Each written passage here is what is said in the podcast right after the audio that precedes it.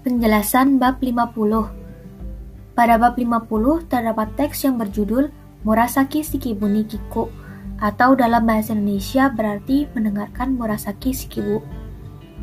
Teks tersebut bercerita tentang suatu program televisi yang bernama Taimu Masing atau Masing Waktu. Dalam acara tersebut menayangkan wawancara dengan seorang novelis terkenal yang menulis novel terpanjang pertama di dunia Genji Monogatari, yaitu Murasaki Shikibu. Pada awal wawancara, Murasaki-san mengaku terkejut karena mengetahui karyanya menjadi populer pada seribu tahun kemudian. Ketika ditanya pendapatnya tentang mengapa karyanya dapat populer, Murasaki-san berpikir itu mungkin karena novelnya dapat dibaca dengan berbagai cara.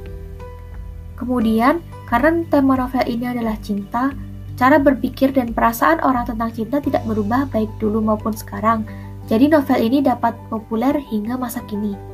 Selain itu, melalui novel ini, orang-orang dapat belajar tentang politik, budaya, dan adat istiadat pada periode Heian. Karena kepopulerannya, novel karya Murasaki Shikibu juga diterjemahkan ke dalam beberapa bahasa asing seperti bahasa Inggris, Prancis, Italia, Cina, dan lain-lain. Selain itu, Murasaki Sang juga membahas tentang uang seribu yen yang dibuat pada tahun 2000, di mana ia menyayangkan bahwa gambar wajahnya yang dicetak terlalu kecil sehingga tidak begitu terlihat. Kemudian, Murasaki Sang juga memperkenalkan keluarganya yang terdiri dari suami dan satu anak perempuannya. Setelah suaminya meninggal, ia mengungkapkan bahwa ia kemudian bekerja untuk mengajar puisi istri kaisar. Mulai saat itu, ia kemudian melanjutkan menulis Genji Monogatari yang sebelumnya sudah mulai ia tulis. Dan terakhir, ia juga berkata bahwa ia ingin sekali bertemu dengan Mukai Chiaki, wanita Jepang pertama yang pergi keluar angkasa.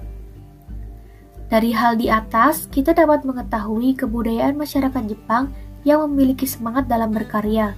Seperti contohnya Murasaki Shikibu yang tetap melanjutkan menulis novel walaupun sambil bekerja dan setelah melalui beberapa hal yang berat seperti kehilangan suami.